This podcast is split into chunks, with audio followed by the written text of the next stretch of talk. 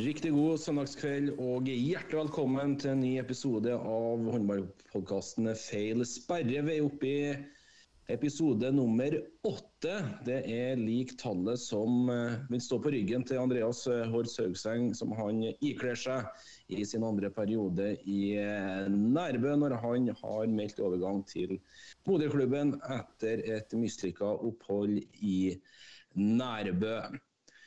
Vi har med oss en uh, suveren gjest i dag uh, også. Kort introduksjon av oss uh, to klovner i panelet. Petter Lysfjord har gjort unna juleverkstedet i barnehagen. Han har også fått pussa opp soverommet til junior, sånn at han er plassert på et separat soverom. og skal avslutte denne søndagskvelden med en fantastisk biff med konemor i huset. Undertegnede har ja, jeg var på en håndballkamp på onsdag. Hadde Kolstad Kristiansand fra kommentatorplass der. Vært ned til Oslo og Lier i helga og feira 85-årsdag til bestemora til samboer og kom rett inn i podkastinnspilling nå. Gleder meg utrolig mye på denne innspillinga og til vår fantastiske gjest da, som er hovedtrener i Bekkelaget. 36 år, oppvokst da på Ranheim og Charlottenlund området. Var en giftig venstrekant i sin eh, glansdager for eh, Ranheim. Vært i backelaget da, med ulike roller da, siden i tidsrommet mellom 2012 og 2017. Trent herrelaget da til backelaget nå siden 2020. Sesongen før det hadde en hovedtrenerrolle da i Charlottenlund. Har en fjerdeplass og en sjuendeplass å vise de to siste sesongene i Rema 1000-ligaen for eh, Bekkelaget har sjokkert Kolstad på bortebane sammen med Elverum og ØF Arendal på de tolv siste seriekampene siden 9.4. Akkurat nå så er Bekkelaget eh, ligaens eh, positive overraskelse. Mista Trym Johnsen, Aksel Strupstad, Emil Midtbø Sundal bl.a. før denne sesongen satt sammen et eh, ungt lag med en god miks av etablerte spillere i forkant av denne sesongen og fått eh, suksess, vil vi si, på umiddelbar eh, tid. Og har også hatt ansvaret for eh, LM04-landslaget til Norge, og nå er med som trener for LM06. Bekkelaget da ligger på en femteplass hit etter de eh, elleve første kampene, med en rekke på fem seire, to uavgjort og fire tap. Kommer da fra et hjemmetap mot Drammen, før Jørgen Løg nå i ferd med å legge sine siste taktiske grep for å ta rotta på trønderske kollegaer Kolstad og Stian Gomo og Christian Berge. Velkommen til oss, Jørgen Løg. Tusen takk for det. Takk for uh, fin intro. Det det er bare litt sånn viktig for meg som er fra den eh, sida der av byen, at det, det, altså det er Charlottenlund som er klubben min. Altså det er ikke noe, Må ikke blande inn og rane mine greiene. Jeg hadde litt sånn vikaropphold her av og til, men, det men Charlottenlund-gutt altså rett igjennom. Så det, det, er sånn viktig eh, poengtering i starten her, altså. Ja, men det er fint. Det er fint. Rett skal være rett, og så kan vi ta i ettertid hvem jeg har gjort denne researchen i samarbeid med. Så ja, vi skal dele Må jobbe litt med kildene her, det tror jeg, altså, for det, den er viktig, altså. Den er grei. Hvordan er det med deg? Jo, bare bra. Eh, hektisk inn mot jul her nå. Tett kampprogram og prøve å avslutte en eh, travel høstsesong på en god måte her. Så mm, mye jobb og mye håndball og sånn, så det er akkurat som vi liker det. Ja, Dere har kommet godt i gang? Ja.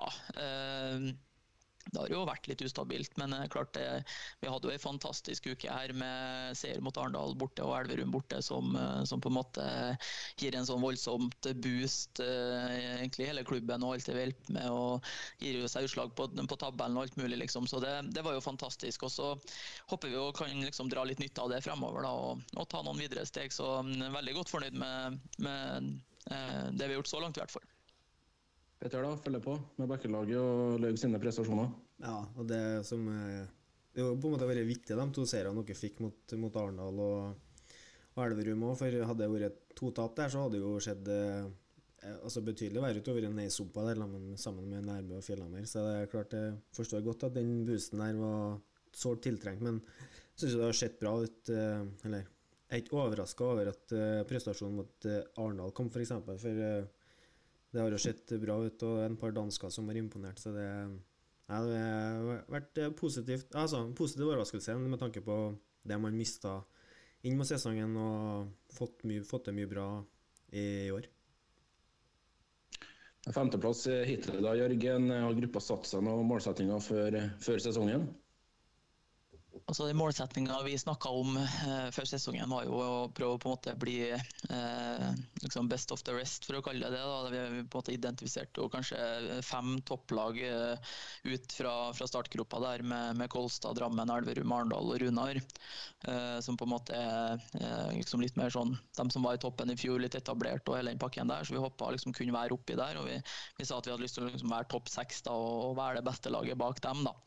Uh, og så vet vi at alt er mulig liksom, i, forhold til noen lag som kanskje har dårligere sesonger, og, og hvis vi får flyt, men, men topp seks følte vi var på en måte et realistisk mål å strekke seg etter. Da.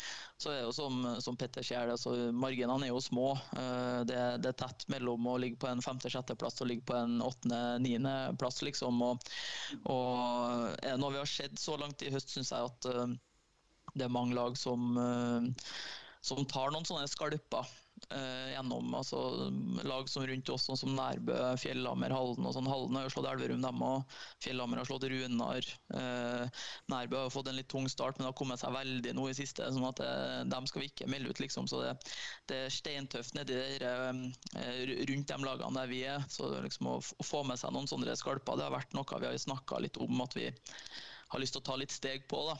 For Vi følte vi har vært gode på, mot de lagene rundt oss, men, uh, men liksom aldri fått til helt den store store skalpen mot sånne lag som Elverum og Arendal borte. Nå fikk vi jo en fin seier mot Kolstad i siste serierunde i fjor, men da var det liksom, sånn spesielle omstendigheter. og sånt, ja, Nå er liksom mye satt og, og sånn som det der. da, så jeg er Veldig fornøyd med at vi har klart det nå. da, og Så blir det spennende å se om vi klarer liksom å holde opp litt nivået når ja, Vi møter jo Kolstad på, på, på, onsdagen, og så kommer det jo to veldig viktige kamper etter det igjen med, med Haslum og, og, Fjellhammer, som på en måte er litt sånn vann og brød for oss da, for å, for å gjøre det bra på, på tabellen.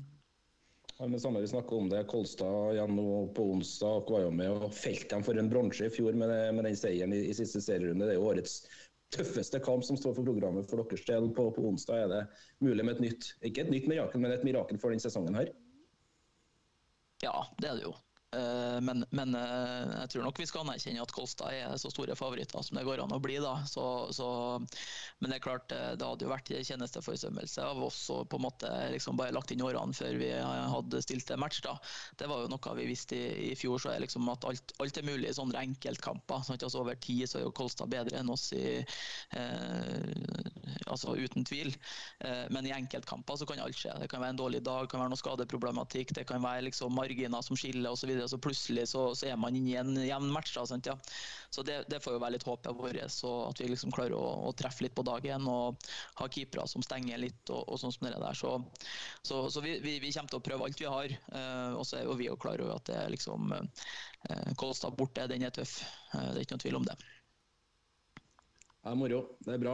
Eh, vi kommer litt mer tilbake til Kolstad nå på onsdag. Litt eh, andre aktuelle ting som vi tenkte vi skulle snakke litt om. Men vi kan Petter, du har statistikken klar skulle du si, fra siden sist vi var, var podda med både kvartfinaler for gutta. De gjorde unna sist nå, men eh, det har vært serierunde for gutta. og det har vært òg serierunde for jentene. Så skal vi på ny serierunde nå på onsdag, som Jørgen her nevner. Pluss at damene skal spille NM-kvartfinaler. Du, du, du, har god kontroll?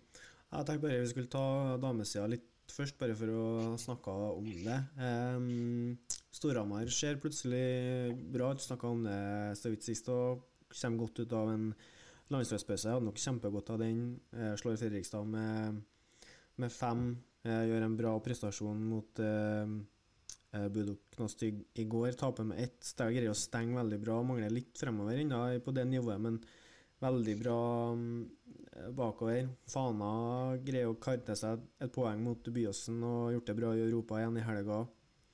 Eh, Molde solid, Vipers eh, pisser på all motstand foreløpig, så det eh, ja, ikke noen sånne store overraskelser i, i, på damesida, bortsett fra at vi hadde stor overraskelse stor overraskelse, men Ravens vinner med tre mot Larvik i dag. Eh, mm. Sterk prestasjon av eh, og Melberg og jentene er viktig, viktig seier for å på en måte eh, Larvik leder til pause.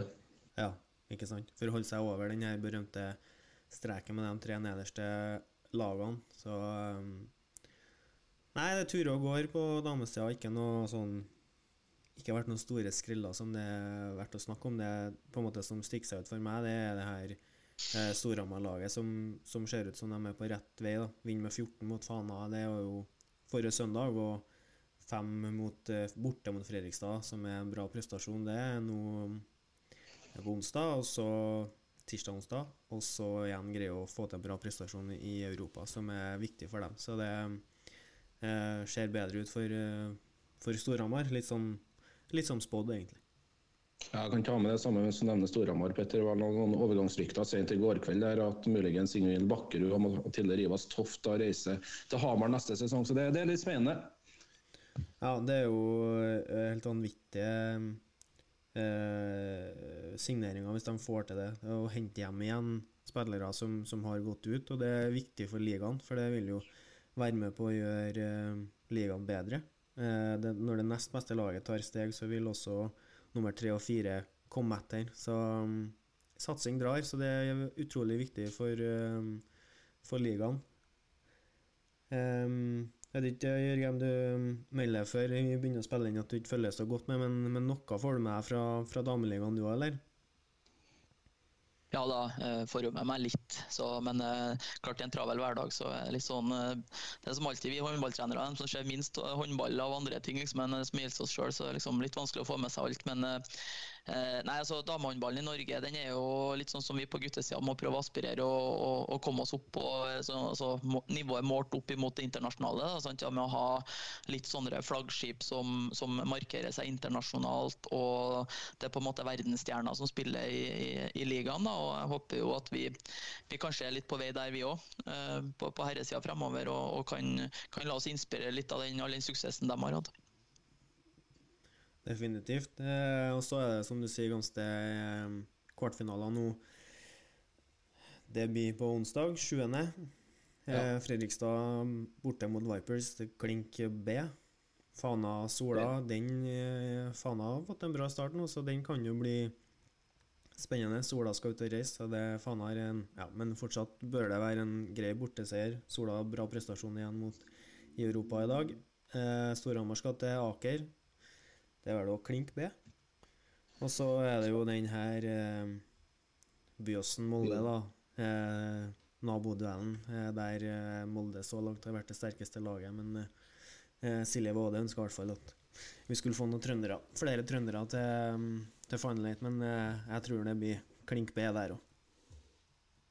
Ja, Det ser sånn, eh, sånn ut. Eh, skal jo sånn sies da om Storhamar i Champions League går borte mot Budoknost. Eh, Løkvist hadde jo muligheten til å berge 24-24 i, Podgorica der, men, men brant jo da med målvakt på tampen her. Forferdelig synd. Viper som var inne på kjørte over Moss da på, på lørdag. Skåra 43 mål på bortebane i Champions League. Uansett motstand så er det knallsterkt. Det er bra. Ja, det, men det er jo litt sånn jevnt over. Bare for å ta en glidende overgang til det som har vært i Europa eh, nå, da, men Runar vinner sin kamp med 10-11 mål. Eh, Arendal mm. vinner sin kamp. Eh, Nærbø taper med to på bortebane og får til en bra prestasjon der òg. Eh, Fana vinner sin kamp med sju. Eh, Sola vinner med fire. Eh, hvem flere har jeg igjen da? det tror jeg var Ja, så det er på en måte gode prestasjoner. Ja, Elverum ikke minst, da som må få til en eh, nesten holder på å vinne eh, to ganger mot eh, Kielse. Så gode prestasjoner ute i Europa. Lagene greier å, å, å, å, ta for seg, så det sier noe om at eh, nivået på norsk håndball etter hvert er på tur oppover. Så det er veldig positivt. Hvor viktig er det for norsk håndball Jørgen, at vi har såpass mange lag i Europa som, som bemerker seg? Nei, Det er klart det er viktig. Det har jo litt med på en måte nivået på hele ligaen å gjøre. og Ikke minst det å på en måte skaffe seg internasjonale referanser og hele pakken. Ja, jeg har jo et håp om at vi på, på herresida også kan kan begynne å få ut litt lag ut i den nest beste europacupen nå. Nå har vi Elverum som er i Champions League, og så har vi Eh, altså De lagene som ble nevnt i sted, Nærbø, Runar Arendal i, i, den European Cup. Sant, ja. Det var jo jækla synd at Kolstad røyk på straffa mot Bidasoa i runden der. Sant, ja. I den nest beste e-cupen. Hadde jo de kommet seg inn der, så hadde liksom, det da hadde det vært komplett på en måte i år, tenker jeg. da. Men uh, jeg tenker det får være neste steg at vi klarer å etablere oss med et lag i Champions League som, som leverer uh, i hvert fall like bra som Elverum har gjort, kanskje enda bedre òg. Og, og, også begynne å markere seg litt den nest besten, sånn at vi liksom klarer å ta noen steg oppover. Litt sånn som på damesida. Damesida er så høyt rangert, og de har ikke mer lag enn tredje rangerte engang. Nei, der er bare Champions League og nest beste. Så kom seg litt opp på det nivået der etter hvert. Det har vært uh, artig. for det det er klart ikke noe til forkleinelse for, for lag fra Finland og Belgia og Eh, vi var sjøl i Luxembourg i fjor liksom, og, og tapte mot dem. Liksom, sånn at det, eh, det, er ikke, det er ikke noe walkover-greier. Men jeg holder jo Arendal og, og, og Nærbo og Runar som kanskje tre av de største favorittene til å vinne den European Cup. Sant, ja. Så det, det, å komme seg litt opp fra den, det hadde vært veldig bra. Samtidig så, så merka vi sjøl når vi var med med backlaget i fjor, at det å, det å, bare komme seg ut og møte internasjonal motstand, det å oppleve å dra på reiser, det liksom å få hele den opplevelsen, da, pakken med det, den utvikler deg veldig mye. Du vokser på det, og det er helt gull for mange norske spillere og få liksom den referansen og erfaringa med hvordan det fungerer å spille e-cup osv. Så, videre. så når de kanskje tar noen steg opp til et bedre lag etter hvert, eller til noen som har kommet seg opp på et høyere nivå, så har man liksom litt erfaring med hvordan sånne ting fungerer. da. Det blir jo litt sånn når man er på mesterskap med yngreslandslag. Du får en referanse på hvordan det er å være mesterskap. Du kjenner på det her med å spille kamp eh, onsdag, lørdag, onsdag, lørdag, onsdag, lørdag. Så det er klart, jeg føler jeg fullt og helt på den, Jørgen. Jeg tror altså mest mulig lag ute i Europa. Og nå er det jo blitt eh, Det går an å investere i det og, og færre på tur. Før så var man jo vegra man seg jo for det, for det kosta jo mer enn det smaka. Og det er klart at det er bra at vi har kommet et steg derifra. Men det er jo ganske stor forskjell på lagene. Men vet du, nå ser jeg Flensburg var og spilte mot Ystad i helga, f.eks. I tillegg til Bidasoa i Rune, da, Så den her eh, European League, var det du kalte den? Ja. ja. Den er jo eh, ja, det er bra nivå der, da. Så greier man å få inn en par lag der, og så begynner man jo å få til bra referanser og kan ta med seg hjem til ligaen. Så det, det, er, som du sier, det er utrolig viktig um, både for klubbhåndballen, men også for, um, for landslaget, for det skal jo, det skal jo vokse etter. Ja, Ikke tvil om det. Jørgen først det, det, er ikke noe tvil om det. og det, det er klart en European League sant, ja, det er nesten litt sånn Champions League light. Der er det liksom, møter du nummer to og tre da, fra liksom, de største ligaene i, i, Europa. Fra Danmark og Tyskland og Spania og Frankrike og sånn som dere der. Sant, ja, så, så det, den, den, er knalltøff. Uh, vi har sett Arendal har prøvd å kvalle der et uh, par-tre siste årene og liksom gjort hederlige innsatser. Men sånn som i fjor så møtte de et knallgodt fransk lag sant, i kvaliken, der de, de spilte en kjempe kamp på hjemmebane, spilte uavgjort, og så taper jeg med 19 på borte. Sant, ja. Sånn at det, det, det, det, er brutalt. da, sant, Men det er der lista ligger. Det er der lista ligger, og jeg tenker det må man eh, trakte etter. og Det er det som er fint med sånn prosjekt som Kolstad f.eks., og for så vidt Elverum har gjort mye av det der med å tørre å strekke seg litt. da, Tørre å si at man har lyst til å bli god og virkelig og legge ambisjonene høyt. da, for da kanskje man kommer seg opp på det nivået der etter hvert. da. Ja, jeg ser jo det blir da så i rundlaget. Den første gruppespillsmatchen der vinner de med ni. ikke sant? Eh, det var et sinnssykt godt håndverk i dag. Ja, det er veldig. Og de, det er på en måte som er viktig, er jo at man kommer seg inn òg. Og det, altså, hadde Kolstad eh, hatt den andre kamp to der mot Bidastoy rundt en måned etterpå, så tror jeg de hadde vært inne. Eh, for mm. de har bare blitt bedre og bedre, og de har funnet mer og mer stabiliteten. Og det tenker jeg sånn i forhold til Elverum òg. Eh, nå trengte ikke de å kvale seg inn i Champions League i år. Og det er jo grunnen til at de er her. Hadde de måttet kvala seg inn, så hadde de aldri kommet til å være her. Eh, så det blir jo viktigere og viktigere også, da, å greie å holde på spillere. For Arendal, for Elverum, for Drammen, for Runar. For nå Kolstad har en annen, et annet utgangspunkt, men hvis Elverum skal drive og hente og hente og hente og hente, og hente, og skal drive og spille kvalik da, til denne European League, så kommer det til å være mange år der de ikke greier det fordi kvaliken kommer for tidlig. Du kan, du må, man må begynne å sette Eh, lagene og greie å holde på mm, I hvert fall på sentrale spillere i litt større grad, tror jeg, hvis man skal greie å spille seg inn i de tøffeste eh, europeiske cupene. Så, så, tenker jeg at, eh, at uh, jeg tenker et mål for norsk herrehåndball må jo være at vi, ligaen blir så høyt rangert etter hvert at vi kommer sånn topp åtte eller topp ni, tror jeg det er, som gjør at man får ett et lag fast i Champions League utenom å søke wildcard. Og én plass fast i European League utenom å spille kvalik. Sånn at eventuelt tredjelaget kanskje må ut i en kvalik. Da, sånn for da har man litt mer stabilitet og man vet litt mer forutsetningene. Enkle for lag å rekruttere spillere og på en måte kan si at ja, vi, vi, vi jo an, ligger jo an til å få en European League-plass eller en Champions League-plass. eller det, det, er litt mer forutsigbart, så man unngår sånne, sånne kvaliksjanser. Samtidig så skal jo sies at eh, noe er jo, vi må jo bare bli gode nok. òg. Altså, eh, ikke for å dra for mye sånn referanser til sånne ting, men, men eh, vi er fra, fra, Trøndelag, vi kjenner jo litt til, til Rosenborg sin historie, blant annet. Sant? Altså, de prøvde noen gang, dem òg før de eh, tok steget inn i store selskapet, før de liksom plutselig slo ut eh, Besiktas der midt på 90-tallet. og Så de, fikk de erfaringer og kom seg inn. Ja, og det, du vokser mye på en måte ta de stegene der. og jeg tenker Før eller senere så bryter vi en grense, vi òg. Og da, da, håper jeg at vi skal klare å, å etablere oss litt. da. Kjenner du det her rankingsystemet til ligaen godt? Er det er det kun prestasjoner i cupene som gir poeng, eller også, vil også landslaget sin prestasjon i Europamesterskapet være eh, avgjørende? Nei, det, det er bare klubb, klubbranking sånn sett. Og, og det, det, kan være litt tricky å følge med noen gang på dere rankingene, for det skifter litt. og Det er litt sånn ullent. Men det kommer ut sånn, bruker sånn tidlig på høsten så bruker det å komme ut en sånn rangering hvert år da, liksom hvordan det blir fra neste sesong. da. Og Norge har jo vært eh, i, Før fjorårssesongen så var vi renka som den 16. beste ligaen i Europa på herresida. Nummer 16, altså. Og før årets sesong så tror jeg vi var nede på 17. Eller så var det omvendt at det var 17 året før. Der, men det, det, hadde litt med covid å gjøre. Var, dere husker kanskje at det var mange lag som ikke fikk lov til å spille e-cup eh, det året. Så vi hadde liksom ingen representanter osv.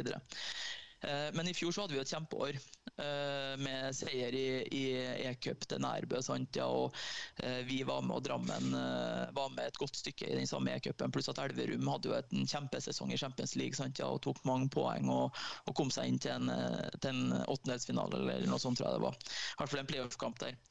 Uh, og, og, det ga ranking, da, men da har de før årets sesong endra litt rankinga. sånn at nå er det sånn separate rankinger for hver, hver, turnering. på en måte.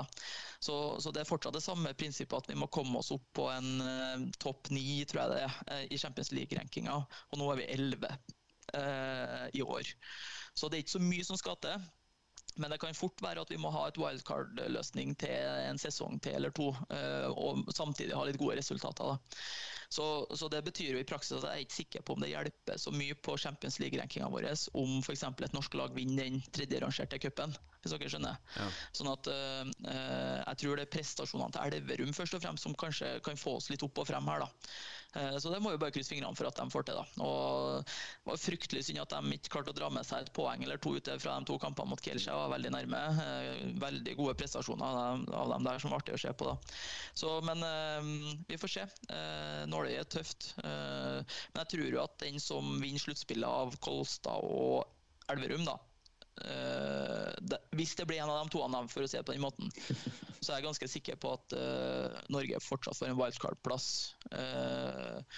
Hvis det skulle være noen andre, så kan det kanskje være litt mer usikkert si at uh, på en måte Drammen eller Arendal eller noe sånt skulle gå hjem og vinne et sluttspill, så tror jeg kanskje jeg er mer usikker med wildcard-plass. For de, de, vektlegger mye uh, marked og penger, og ikke bare det sportslige nivået. Sånn at uh, det er noe med å ha litt fasiliteter og kan slå i bordet med det. Også. Så jeg tror den kampen til Kolstad f.eks. Med, med 9000 på tribunen her nå, den tror jeg er som vann i munnen på IOF når de ser det. Også. Så det, det tror jeg er gode kort på hånda, i tillegg til et par OK spillere etter hvert. her da. Det er jo klart det er viktig da blir det på en måte viktig for eh, norsk håndball i Europa da, at Kolstad vinner og skal, i, og skal inn i Champions League, fordi at du har Sander Sagosen, du har uh, Abel Vikrød, du får en Gøran Johannessen inn på det allerede meget gode håndballaget. Så det er klart Helt nøytrale øyne. Ja. jeg skal aldri si at jeg heier på Kolstad igjen, men, men for norsk håndball, da, for å få opp den rankinga, så er det jo viktig at man får Eh, Kolstad inn i Champions League for å få flest mulig seire, fordi at jeg tror de kommer til å være såpass mye bedre enn Elverum neste år. Men òg at Elverum greier denne her European League da, og greier å holde på spillerne sine til neste år. Prestere dårligst mulig nå egentlig for å holde på mest mulig spillere og kunne gå inn i European League og gjøre en god prestasjon der, så vil man jo i løpet av en par gode år da faktisk få til eh, bedre ranking. Ja, og da kan man eh, kanskje drømme om to lag i Champions League etter hvert. Også, sant, ja. Så det, det, det, er jo noe man kan, kan se frem til. Og så vet jeg jo at uh, på en måte spillerne som kommer til Kolstad, Kolstad på en måte nedtoner litt, uh, litt på en måte viktigheten av å, å kvalle inn til Champions League allerede kommende sesong. At det liksom er Det får vi se hvordan det går og alt mulig sånn, men jeg tror når med starten de har fått nå, så tror jeg det frister veldig å fullføre med en god sesong og kan starte med de store guttene allerede til høsten. Altså. Det, det tror jeg noe annet ville vært rart, nesten. Så det, vi har en spennende halvdel igjen av sesongen ennå med sluttspill som kommer her. Ikke fortell meg at uh, Gøran Johannessen, han er jo født i 94, så han er like gammel som meg. han blir 30 år i 2024. Ikke fortell meg at han kommer til, til Trondheim for å spille European League. Både han og Abelvik Rød og Sagosen og Sigvaldi, eh, Janus, Torbjørn kommer til Trondheim for å prøve å vinne Champions League. Det er jo det som er målet deres. De, de, de spiller kjempe, altså, Alt annet er jo bare Å tro noe annet er jo Å, prøve å si noe annet er jo egentlig høl i hodet. Så jeg syns man uh, kunne vært litt mer åpen om uh, hva man tenkte. Jeg synes ofte blir litt for defensiv og litt for bakpå når man får spørsmål om sånne, sånne ting. da om det er hviling av spillere, eller om det er hvor viktig er det faktisk. Hva er det som er viktig her? Så syns jeg man kan være litt mer offensiv og litt mer på, og, på en måte si, sånn som du gjør nå, Jørgen, og si at dette er faktisk viktig for norsk håndball. At man kommer seg inn. Så selvfølgelig er dette viktig, og ikke være så veldig eh, navlebeskuende, men se litt mer det store bildet. Vi har jo en stor diskusjon rundt eh, Bodø-Glimt nå, for å trekke inn fotballen en gang til. Da, men hvor skal man heie på Bodø-Glimt eller ikke? Så sånn, ja, selvfølgelig skal man det, fordi at det har noe å si for norsk fotball at vi har lag som gjør det bra. Så alle norske lag i Europa må komme seg så langt som mulig. Enkelt og greit. Ja da, og, og jeg, jeg, tror ikke, sånn som jeg kjenner de guttene der, så tror jeg ikke noe jeg tror ikke Internt tror ikke jeg noe feil med ambisjonene deres i forhold til at de er noe klokkeklare, som du sier, på at de, de skal dit. Men så er det noe med på en måte den effekten av at eh, hvis eh, Sagosen går ut og legger litt press på de unge guttene som er her i dag, da, så er det ikke sikkert at det er en sånn kjempesituasjon for dem som er der i dag. Eller, så jeg har lyst til å kanskje la dem spille med litt senka skuldre og prøve å liksom ikke tenke på at uff, hvis, vi, hvis vi ikke klarer Champions League nå, så skuffer vi Sander og Magnus og Gøran og hele gjengen der. Sånn, ja, for da kan det fort bli litt forventningspress og sånn som det der. Da, så tror jeg nok innerst inne at alle sammen sitter nok med et godt håp om at det skal bli skal bli Champions League og ambisjoner og, og storkamper så fort som mulig her. da. Så, men eh, sånn som det ser ut nå, da, så er vi jo på god rute. da. De har imponert stort. så Det har vært en veldig god sesong så langt av Kolstad, det må jeg si. Definitivt. Eh, vi skal veldig god, kunne ha brukt hele kvelden på, på, um, på, det her, men vi skal bare over tilbake igjen til Rema 1000-ligaen for menn. Um, um, hva er litt sånn generelt da, Jørgen? Hva er, hva er din take på, på, ligaen nå når vi er kommet halvveis? Ikke bare fra, fra ditt backelaget sitt ståsted, men litt sånn eh, i forhold til forventningene og ja, ja, bare litt sånn generelt. Hva, hva sitter du igjen med etter halvspilt? Nei, det jeg sitter igjen med at uh, Kolstad har vært uh, sterkere og bedre enn jeg tror mange hadde forventa.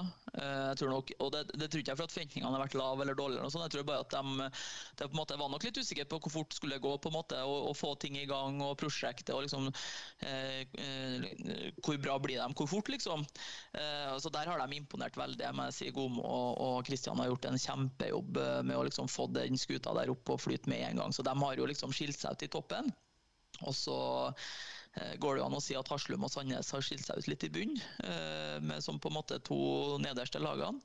Eh, uten at de har på en måte bare blitt spilt ut av hallen i kampene. De, altså, de er med i mye, men de har nå tatt mindre poeng enn en, en mange andre. Nærbø var jo litt der i starten, men de har jo våkna så det holder noe er med liksom, i en gruppe. Så føler jeg egentlig at uh, Drammen har skilt seg ut som det nest beste laget, syns jeg, som har vært kanskje mest litt sånn stabile og, og har også visst uh, kanskje det høyeste toppnivået bak, bak Kolstad, sånn jevnt over. da. Og så er det jo en stor gjeng med lag bak der, da, der kanskje Elverum og Arendal er de to lagene som kanskje har har bomma litt i forhold til ambisjonene sine. Jeg tror ikke det er feil å si det, på en måte. Jeg tror jeg er første til å innrømme sjøl. De, de, men de ser vi jo har et høyere nivå inn. Altså, det, er jo merkelig liksom, å gå fra å tape mot oss i backlaget på, på en, på en, søndag, og så tapper du med ett mål mot Kielce tre dager etterpå, liksom, på bortebane. Eller to, eller hva det ble til slutt. Så det, det de, de, de, har jo et knallbra nivå inn, som er spent å se hvor, hvor, lang tid går det før de får ut det også jevnlig i serien. da. Uh, for Gjør de det, så tror jeg de kan være virkelig opp der. Vi så jo den kampen Kolstad-Elverum i, i, i, Spektrum. der, sant? Ja, den, var jo, den var jo jevn som bare det. Så, så, så, en jevnspilt serie, vil jeg si, med noen som skiller seg ut. Kolstad i topp og, og Sandnes Varslum i bunn. Eh, ellers rundt der så føler jeg at det er ganske åpent i de fleste kampene. Det er sånn at eh, Selv om eh, Fjellhammer eller Nærbø som ligger nummer ni eller ti, og møter Drammen eller Runar, eller noe sånt, så, så tenker vi jo at de, Drammen og Runar kan være favoritter. Men det er heller ikke noe sånn at du blir sjokkert om det er en jevn og tett kamp som kan bekke begge veiene. Eh, så det, jeg syns det er mange gode lag.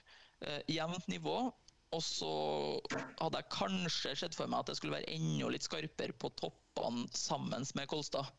Altså, jeg er ikke overraska at Kolstad har gjort det bra, men det så for meg kanskje det skulle være enda litt tettere på for en del av de topplagene der. da.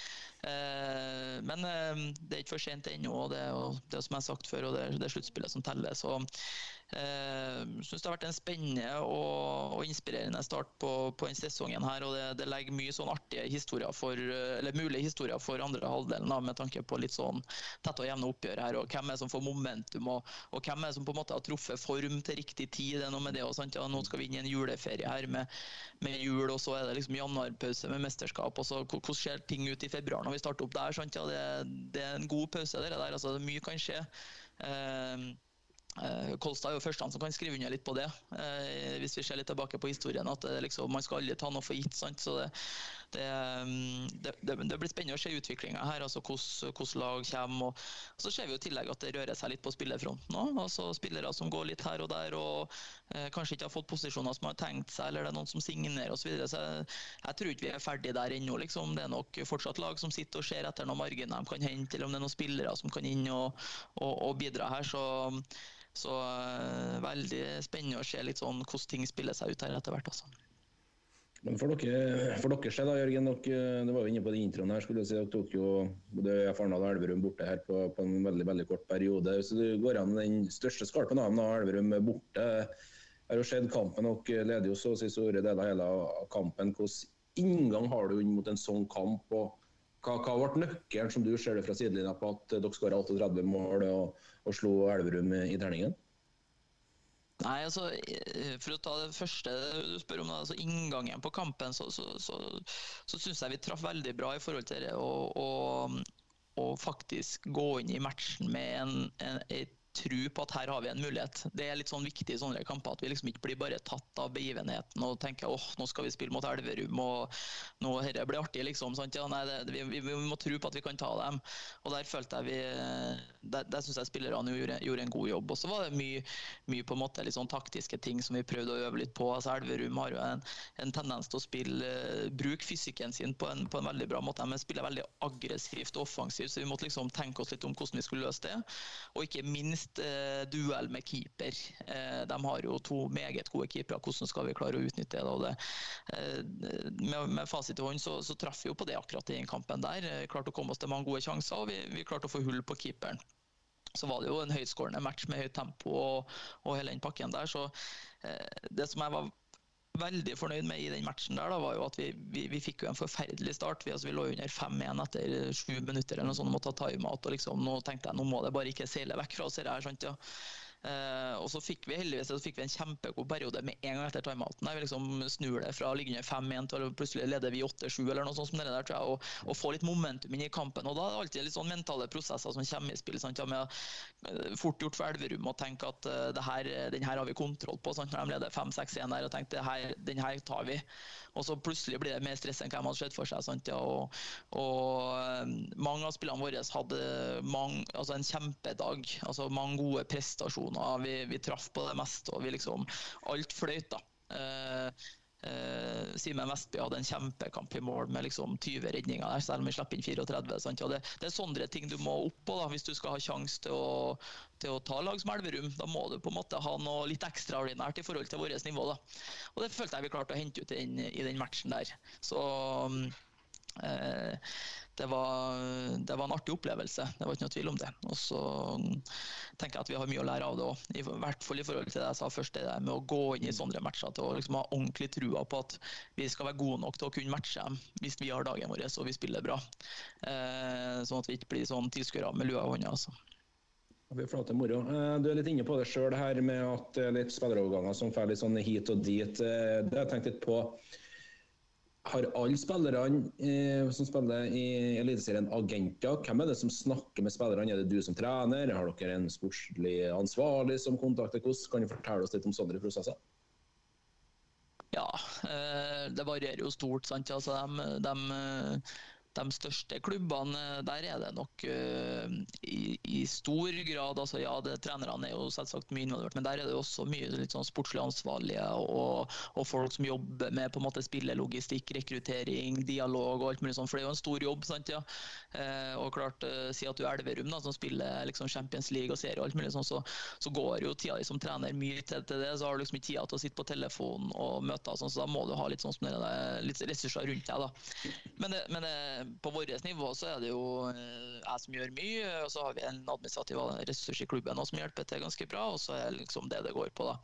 Så Spillerne varierer veldig. Spørs hvilket nivå vi snakker om. Er vi på et høyt nivå, så har stort sett alle spillerne agenter. Har vi på et nivå som er på en måte eh, litt lavere, altså typisk litt sånn overganger mellom norske klubber kanskje, eller eh, kanskje noen unge talenter, litt sånn ubeskrevet blad, eller litt sånn så er det sjeldnere at det er agenter. da. Er det utenlandske spillere, så er det stort sett alltid agenter involvert. Eh, og da er det jo å på en måte lokalisere litt interesse først. Da, og Hva kan være aktuelt å få til, og hvilke økonomiske rammer som er mulig. liksom Totalpakka, sportslig situasjon. Det er masse som spiller inn. sånn som det der. Så Jeg bruker å si at sånn spillelogistikk og sånn, det er jo liksom helårsarbeid. egentlig, sant? Ja, Det er noe du tenker på hele tida, hvilke spillere er som kan være aktuelle. Og, og, det er ikke fordi at du prøver å erstatte dem du har, det er mer sånn for du vet at vi er der vi er i næringskjeden. Uh, og det gjelder alle sammen unntatt kanskje Kolstad som nå begynner å flytte seg helt opp på toppen av næringskjeden. Men ser selv Elverum sant, ja, er jo sånn utviklende klubb. sånn som I fjoråret hadde de en kjempesesong. Sant, ja, og Mista Johansson til Kiel og Mate til PSG og Solstad til Bjerringbro. Sant, ja, det, det, du må gjenskape deg hele tida.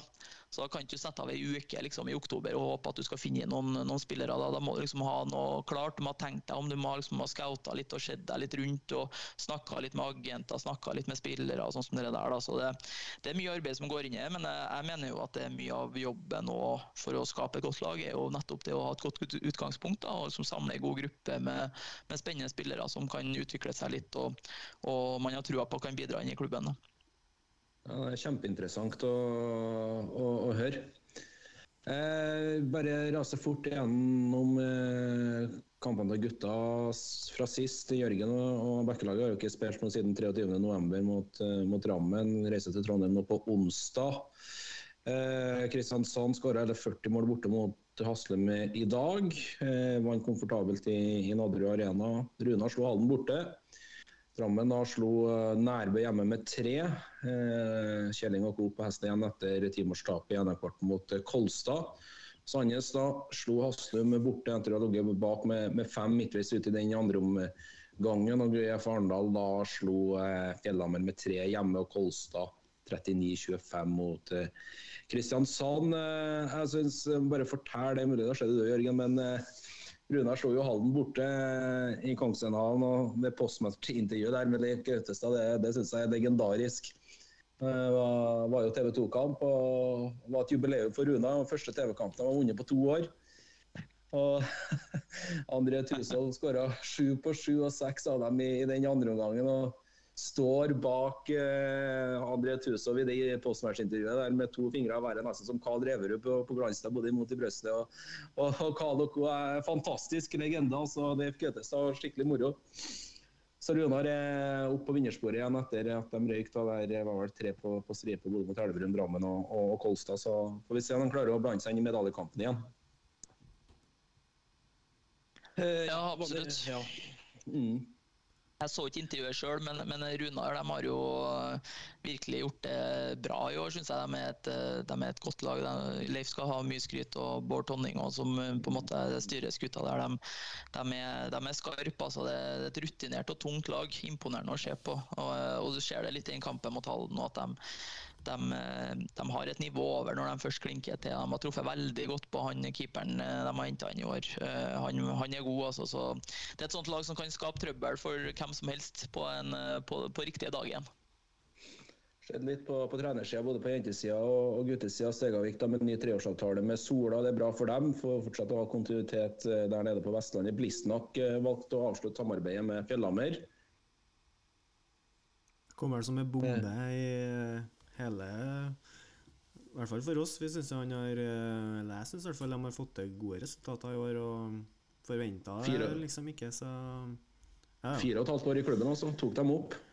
Så det er jo kanskje litt Men det er helt sikkert forskjell i ambisjoner og ikke enige om veien videre. da Og da er det jo ikke noe bedre enn å bedre enn å avslutte samarbeidet, både for, eh, for trener og klubb. Det Man skal jo være enige om, om hvordan vei man skal. Det ser man jo i på alle nivåer at hvis man er uenig om spillerkjøp eller hva det måtte være, så, så skilles man.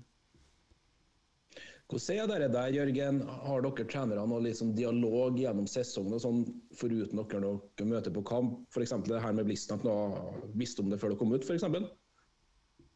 Nei, eh, det her var en stor, stor overraskelse for meg. Må jeg, si. jeg hadde egentlig ikke tenkt tanken engang. Eh, og så det kom en pressemelding her om at de avslutta samarbeidet. Så det er tydelig at det må ha skjedd noe i, kulissene her. Så jeg, er litt på deres linje. Jeg syns han har gjort en god jobb med Fjellhammer de siste årene. Liksom opp fra andredivisjon til førstedivisjon og så opp og etablert seg i Eliteserien i, i, eh, i en klubb som på en måte ja, ikke nødvendigvis har de største ressursene bestandig sant? Og, og, og må utvikle unge lokale spillere osv. Så, videre. så fra utsida, som, som, jeg ser det fra, så, så, virker det som han har gjort en god jobb. Så, men jeg har ikke noe, noe informasjon annet enn det. Altså, så det, det er jo synd. Jeg syns Kristian er flink trener og har gjort en, en kjempejobb. Så, men eh, som du sier, Petter, hvis det, hvis det, på en måte har skåret seg litt i, i, i, litt sånn ambisjoner videre eller uh, internt der, så, så, kan det jo være det til, til, til det beste for alle. Så det eh, blir spennende å se hvem som eh, dukker opp i Fjellhammer. Jeg ser eh, min gamle assistent Tarjei Sundal har i hvert fall midlertidig tatt over. Så får vi se om det blir en permanent løsning eller ikke. Det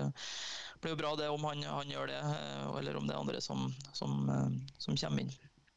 Ut, utover det, på spørsmålet ditt på, på litt sånn øh, dialog og sånn, så er det vel øh, ja, altså, jeg føler det er god dialog på, på, blant trenerne. Eh, det varierer jo litt selvsagt hvem man snakker mest med. og sånn. Jeg har jo naturlig nok litt tettere forhold til dem jeg, jeg kjenner litt sånn fra, fra håndballoppveksten, for å kalle det det. Altså, jeg, og, jeg og Gomo vi, jo, vi er jo like gamle og har spilt på lag sammen i Slåttlund i, i, mange år. og Vi har liksom eh, kjent hverandre siden vi var 15 år, liksom, og, og har jo naturlig nok en lang, en lang historie der. og Ruud likedan, som også er fra Trondheim. og, og andre. og Jeg er nå kollega på skolen med Tom Erik Skarpsno og litt sånn som det der. og Vi har, vi har god dialog alle sammen. Snakker noe mye håndball når vi, når vi treffes og møtes. og, og Eh, ja, jeg føler jeg har godt forhold til egentlig alle trenerne i, i, i ligaen. Det, det, det, det er god, et godt miljø, og folk vil hverandre vel. og, og på en måte Selv om man er konkurrenter, så kan man snakke litt åpent. og Hvordan går det der, og alt mulig sånn som det der. Så nei, det er bare fint, ja. Herlig. Veldig. Klokka går litt. Um, ja. Skal vi ta det her um, Vi har jo lytterspørsmålrekord i dag, Jørgen, på, um, på, tre. Og det er vi jo ja. veldig fornøyd med. Vi håper jo at folk bare ja, fortsetter å, å, pumpe inn uh, lytterspørsmål. Så skal vi sette av mer og mer uh, tid til det. Um, Kjør på. Vi begynner med en Thomas Karlsen. Thomas understrek Karls1 på Twitter. han spør Jeg syns Langerhus har vært helt strålende. Er han kanskje beste skopet i Laugs BSK-tid?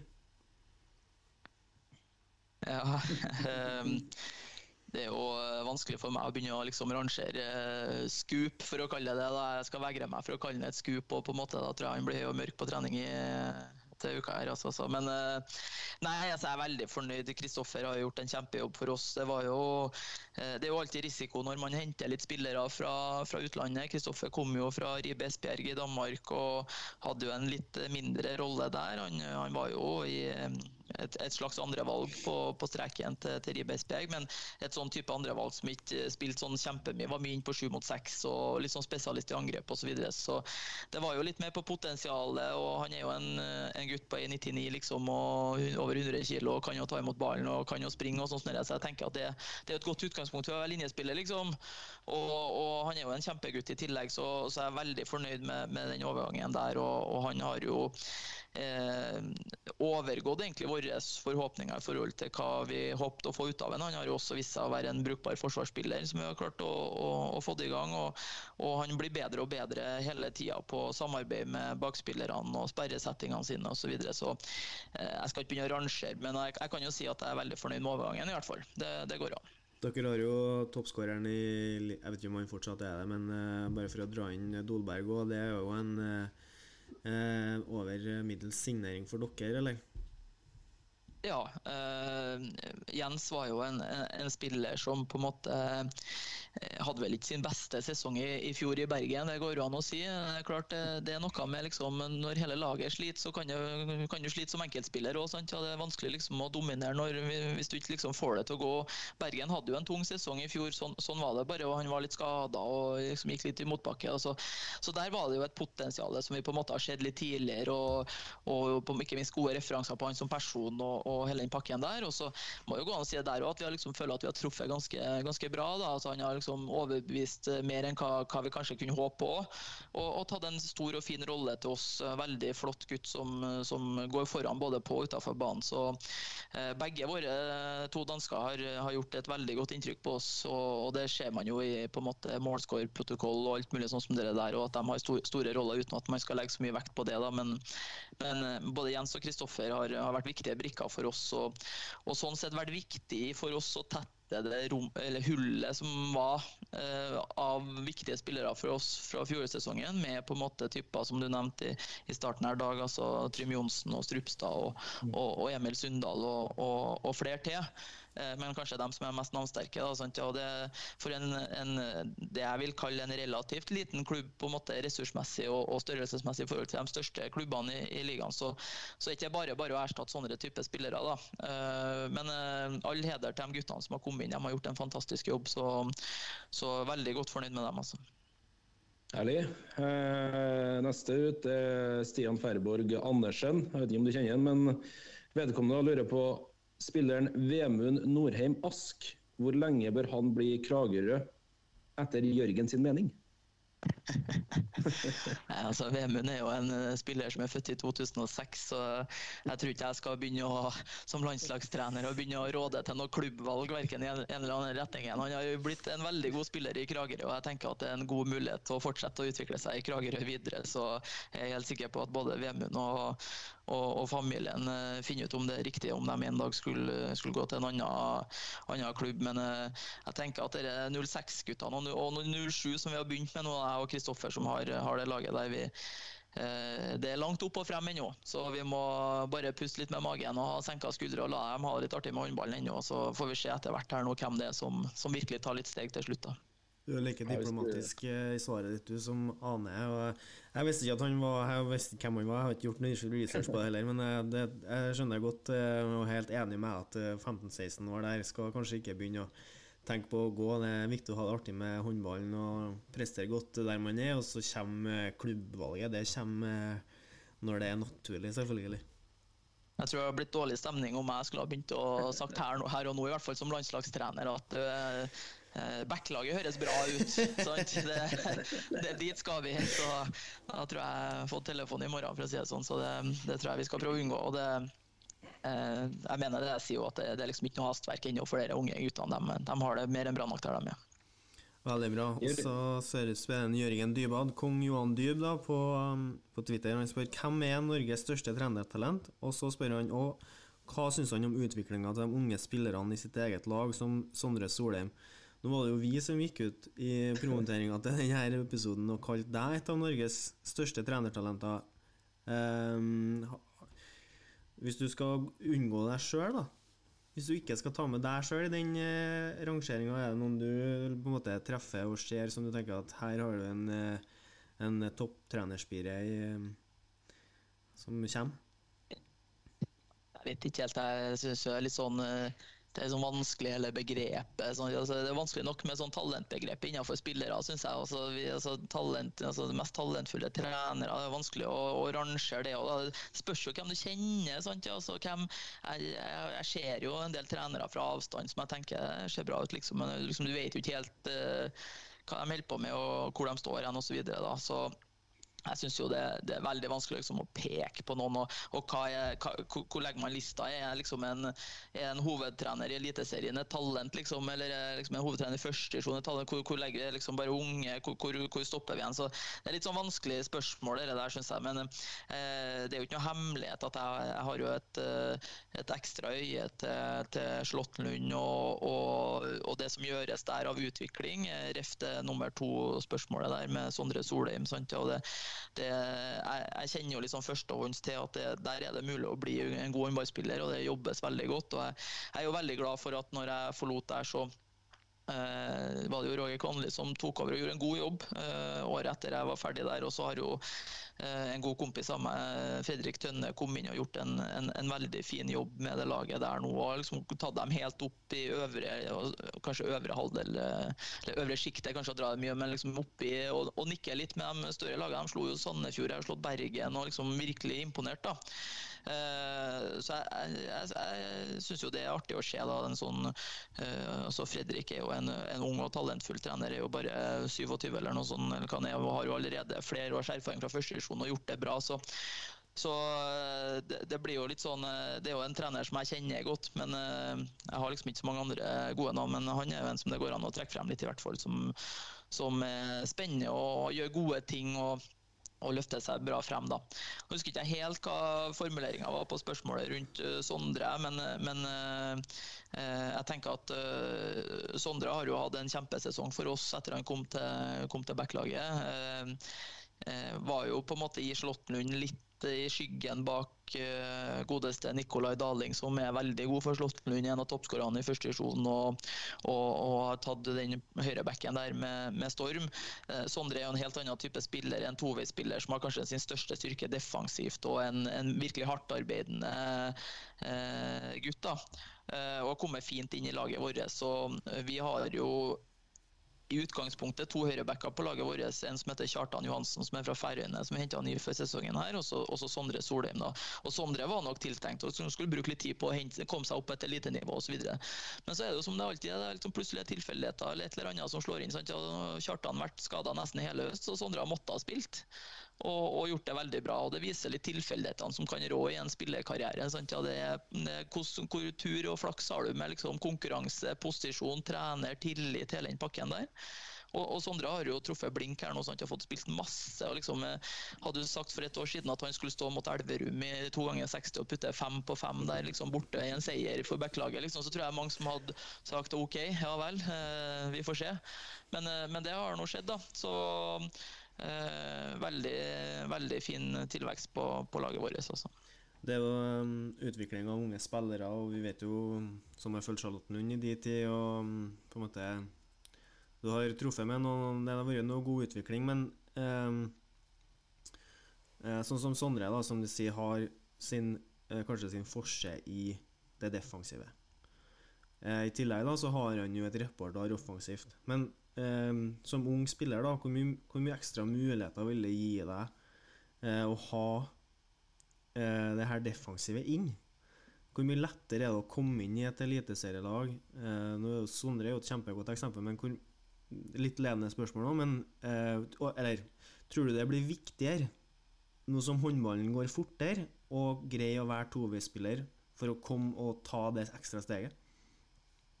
Ja, det tror jeg. Eh, jeg har jo mye med en del unge spillere å gjøre. Eh, først og fremst i egen klubb i backlaget så har vi mange unge, spennende spillere som er på en måte på vei opp og frem. Jeg har jo en landslagstrenerjobb der jeg er sånn mye unge, spennende spillere som er på jobb og frem. I tillegg så jobber jeg på en videregående skole som heter Vang toppidrett i Oslo, som òg er liksom samme greia. Det er liksom mye unge spennende spillere. Det. det er mye vi prater om, er liksom Eh, forsvarsarbeid er ofte undervurdert. for det blir ofte målt på liksom, hvor mange mål har du skåra, eller liksom, hvordan gikk det i helga. Jeg skåra sju mål, og bla, bla, bla. Men, eh, skal du opp på toppnivået som ung spiller, da, så er det ikke en nødvendighet, men det er en stor stor fordel å være god forsvarsspiller. Eh, det er mye enklere for en trener som står der med, måte, under høyt press. og Det handler mye om på en måte, hvor mye stoler du på vedkommende til å sette den ut på banen. Sant, ja? Og Hvis da du som trener kan stå der og tenke at ja, det går i hvert fall bra i forsvar, om du bommer på et skudd eller om du gjør en feil, greit, liksom, men jeg, jeg slipper å liksom, stå med hjertet i halsen når du står defensivt. Så, så er veien frem mye mye lettere. Og, og, det er jo et godt poeng du tar opp, uh, Petter, det med, med, med, litt nye regler. Ja, som, som, jeg tror nok det er mange som tenker ja, får vi se da, litt hvordan det går, da, men det er kanskje mulighet for litt hurtigere avkast og hele den biten der. Sånn, kanskje litt mindre sju mot seks, kanskje litt mindre forsvars- og angrepsbytter. Uh, nå ser vi jo internasjonalt at det fortsatt er veldig mye forsvars- og angrepsbytter, men uh, jeg tror det er en stor fordel å være en toveisspiller. Det å, det å på en måte kunne bekle hele, alle fasene av spillet. Eh, og det er enklere som ung spiller å være eh, ekstra god i forsvar selv om det er litt uvanlig, å få spilletid på det. enn å være en sånn, Da må du være fryktelig god angrepsmessig hvis du skal være en sånn bare angrepsspiller. da. Så det, det er helt klart, det. Eh, forsvar er en undervurdert ting, og noe som jobber mye med i utvikling av unge spillere. Og ikke minst både få det frem i bevisstheten, men også utvikle ferdigheter og hele den pakken der. da. Herlig. Eh, vi begynner å nærme oss eh, slutten. Peder skal vi spise biff snart. Eh, litt avslutningsvis, Laug. Du har vært nå i backelaget i ulike roller da, som vi nevnte siden 2017. Inn i din tredje sesong som hovedtrener. Hva blir neste steget for håndballtreneren Jørgen Laug? Nei, altså er det en ting jeg har lært meg som håndballtrener, så er det liksom å ta et år om gangen og puste litt. altså Ikke legge seg sånne lange, lange planer for resten av yrkeslivet ditt. liksom. Jeg, jeg, vet ikke helt. Det som en spiller, det er så mye annet. Det kommer an på prestasjoner, det kommer an på timing og liksom tilfeldigheter og sånn som det der. Uh, uavhengig av det, så, så er det viktig for meg å si at jeg trives veldig godt i backlaget. Det er en fin plass for meg å være. En trygg, fin klubb. Jeg flytta til Oslo i 2012 for å begynne å studere på idrettshøyskolen. Og, og var litt sånn tilfeldig at jeg endte opp i backlaget. egentlig. Jeg kjente noe via via og liksom begynte å trene et jenter 18-lag der. Og så jobba jeg meg litt oppover. Liksom, plutselig var jeg hovedtrener for damelaget i første divisjon, og så var jeg assistenttrener i tre år på herrelaget. Og, og så har det liksom vært inn etter det. Så jeg hadde jo fem år i Oslo mens jeg studerte på idrettshøyskolen, der jeg var i backlaget alle de årene. Og så kom jeg tilbake i 2020 som hovedtrener. Da, og det, det har vært eh, et, et flott opphold. Så det er liksom backlaget som har blitt liksom klubben min, eh, vekk fra Slottsund og Trondheim, kan du si. da. Eh, så jeg trives veldig godt. og det Eh, ja, vi er ikke bestandig vi har like mye penger eller ressurser eller publikum eller hva det er som alle andre, men vi har mye andre ting som er veldig bra. Vi har en flott gruppe med spillere. Det er veldig sånn god kultur i klubben. Det er en, det er en forståelse internt i klubben for at liksom den, den toppen avler også litt bredde. Da, sant? At det, liksom, det henger sammen et økosystem her, og, og, og, man setter pris på jobben man gjør og føler at det, man er verdsatt osv. Så, videre. så så, så, jeg trives veldig godt. Jeg har på ingen måte noe hastverk med å komme meg vekk fra backlaget. Eh, samtidig så er jeg jo ambi ambisiøs og har lyst til å opp og frem, meg òg. Altså, vi, vi, får se eh, hvilke muligheter som eventuelt skulle dukke opp. Og skulle ikke dukke opp noe, så, så syns jeg backlaget er en veldig fin plass å være i. da. Praktfullt. Eh, Petter, nå avslutningsvis? Nei, jeg er strålende fornøyd. Jeg håper du kan eh, komme tilbake, Jørgen. For det her har vært eh, innholdsrikt, lærerikt. veldig um interessant å høre eh, Jeg syns alltid det er interessant å høre på det du har å si, så, um, så helt strålende at du stiller opp. Det skal jeg absolutt gjøre, vet du. Løg på tampen, fantastisk leveranse har det i hvert fall vært. Det er noe du ville ha sagt som vi bør vite? Det som Håndball-Norge bør Nei. Nei, egentlig ikke. Trivelig å ta, ta en prat. Vi har jo vi har jo vært rundt hverandre lenge vi, siden dere holdt på å kommentere Slåttlund i første divisjon i Slåttlundhallen der. og Så starter å se at dere slår dere opp på både podkaster og kommentering på TV 2, og, og utviklinga går riktig vei her, tenker jeg. Så det er bare artig å være med på en liten prat her, så jeg kommer gjerne igjen. Da Få litt skryt da, Petter. Ikke hverdags. Ja, det er veldig deilig. Jørgen Laug, lykke til på onsdag mot Kolstad. Tusen hjertelig takk.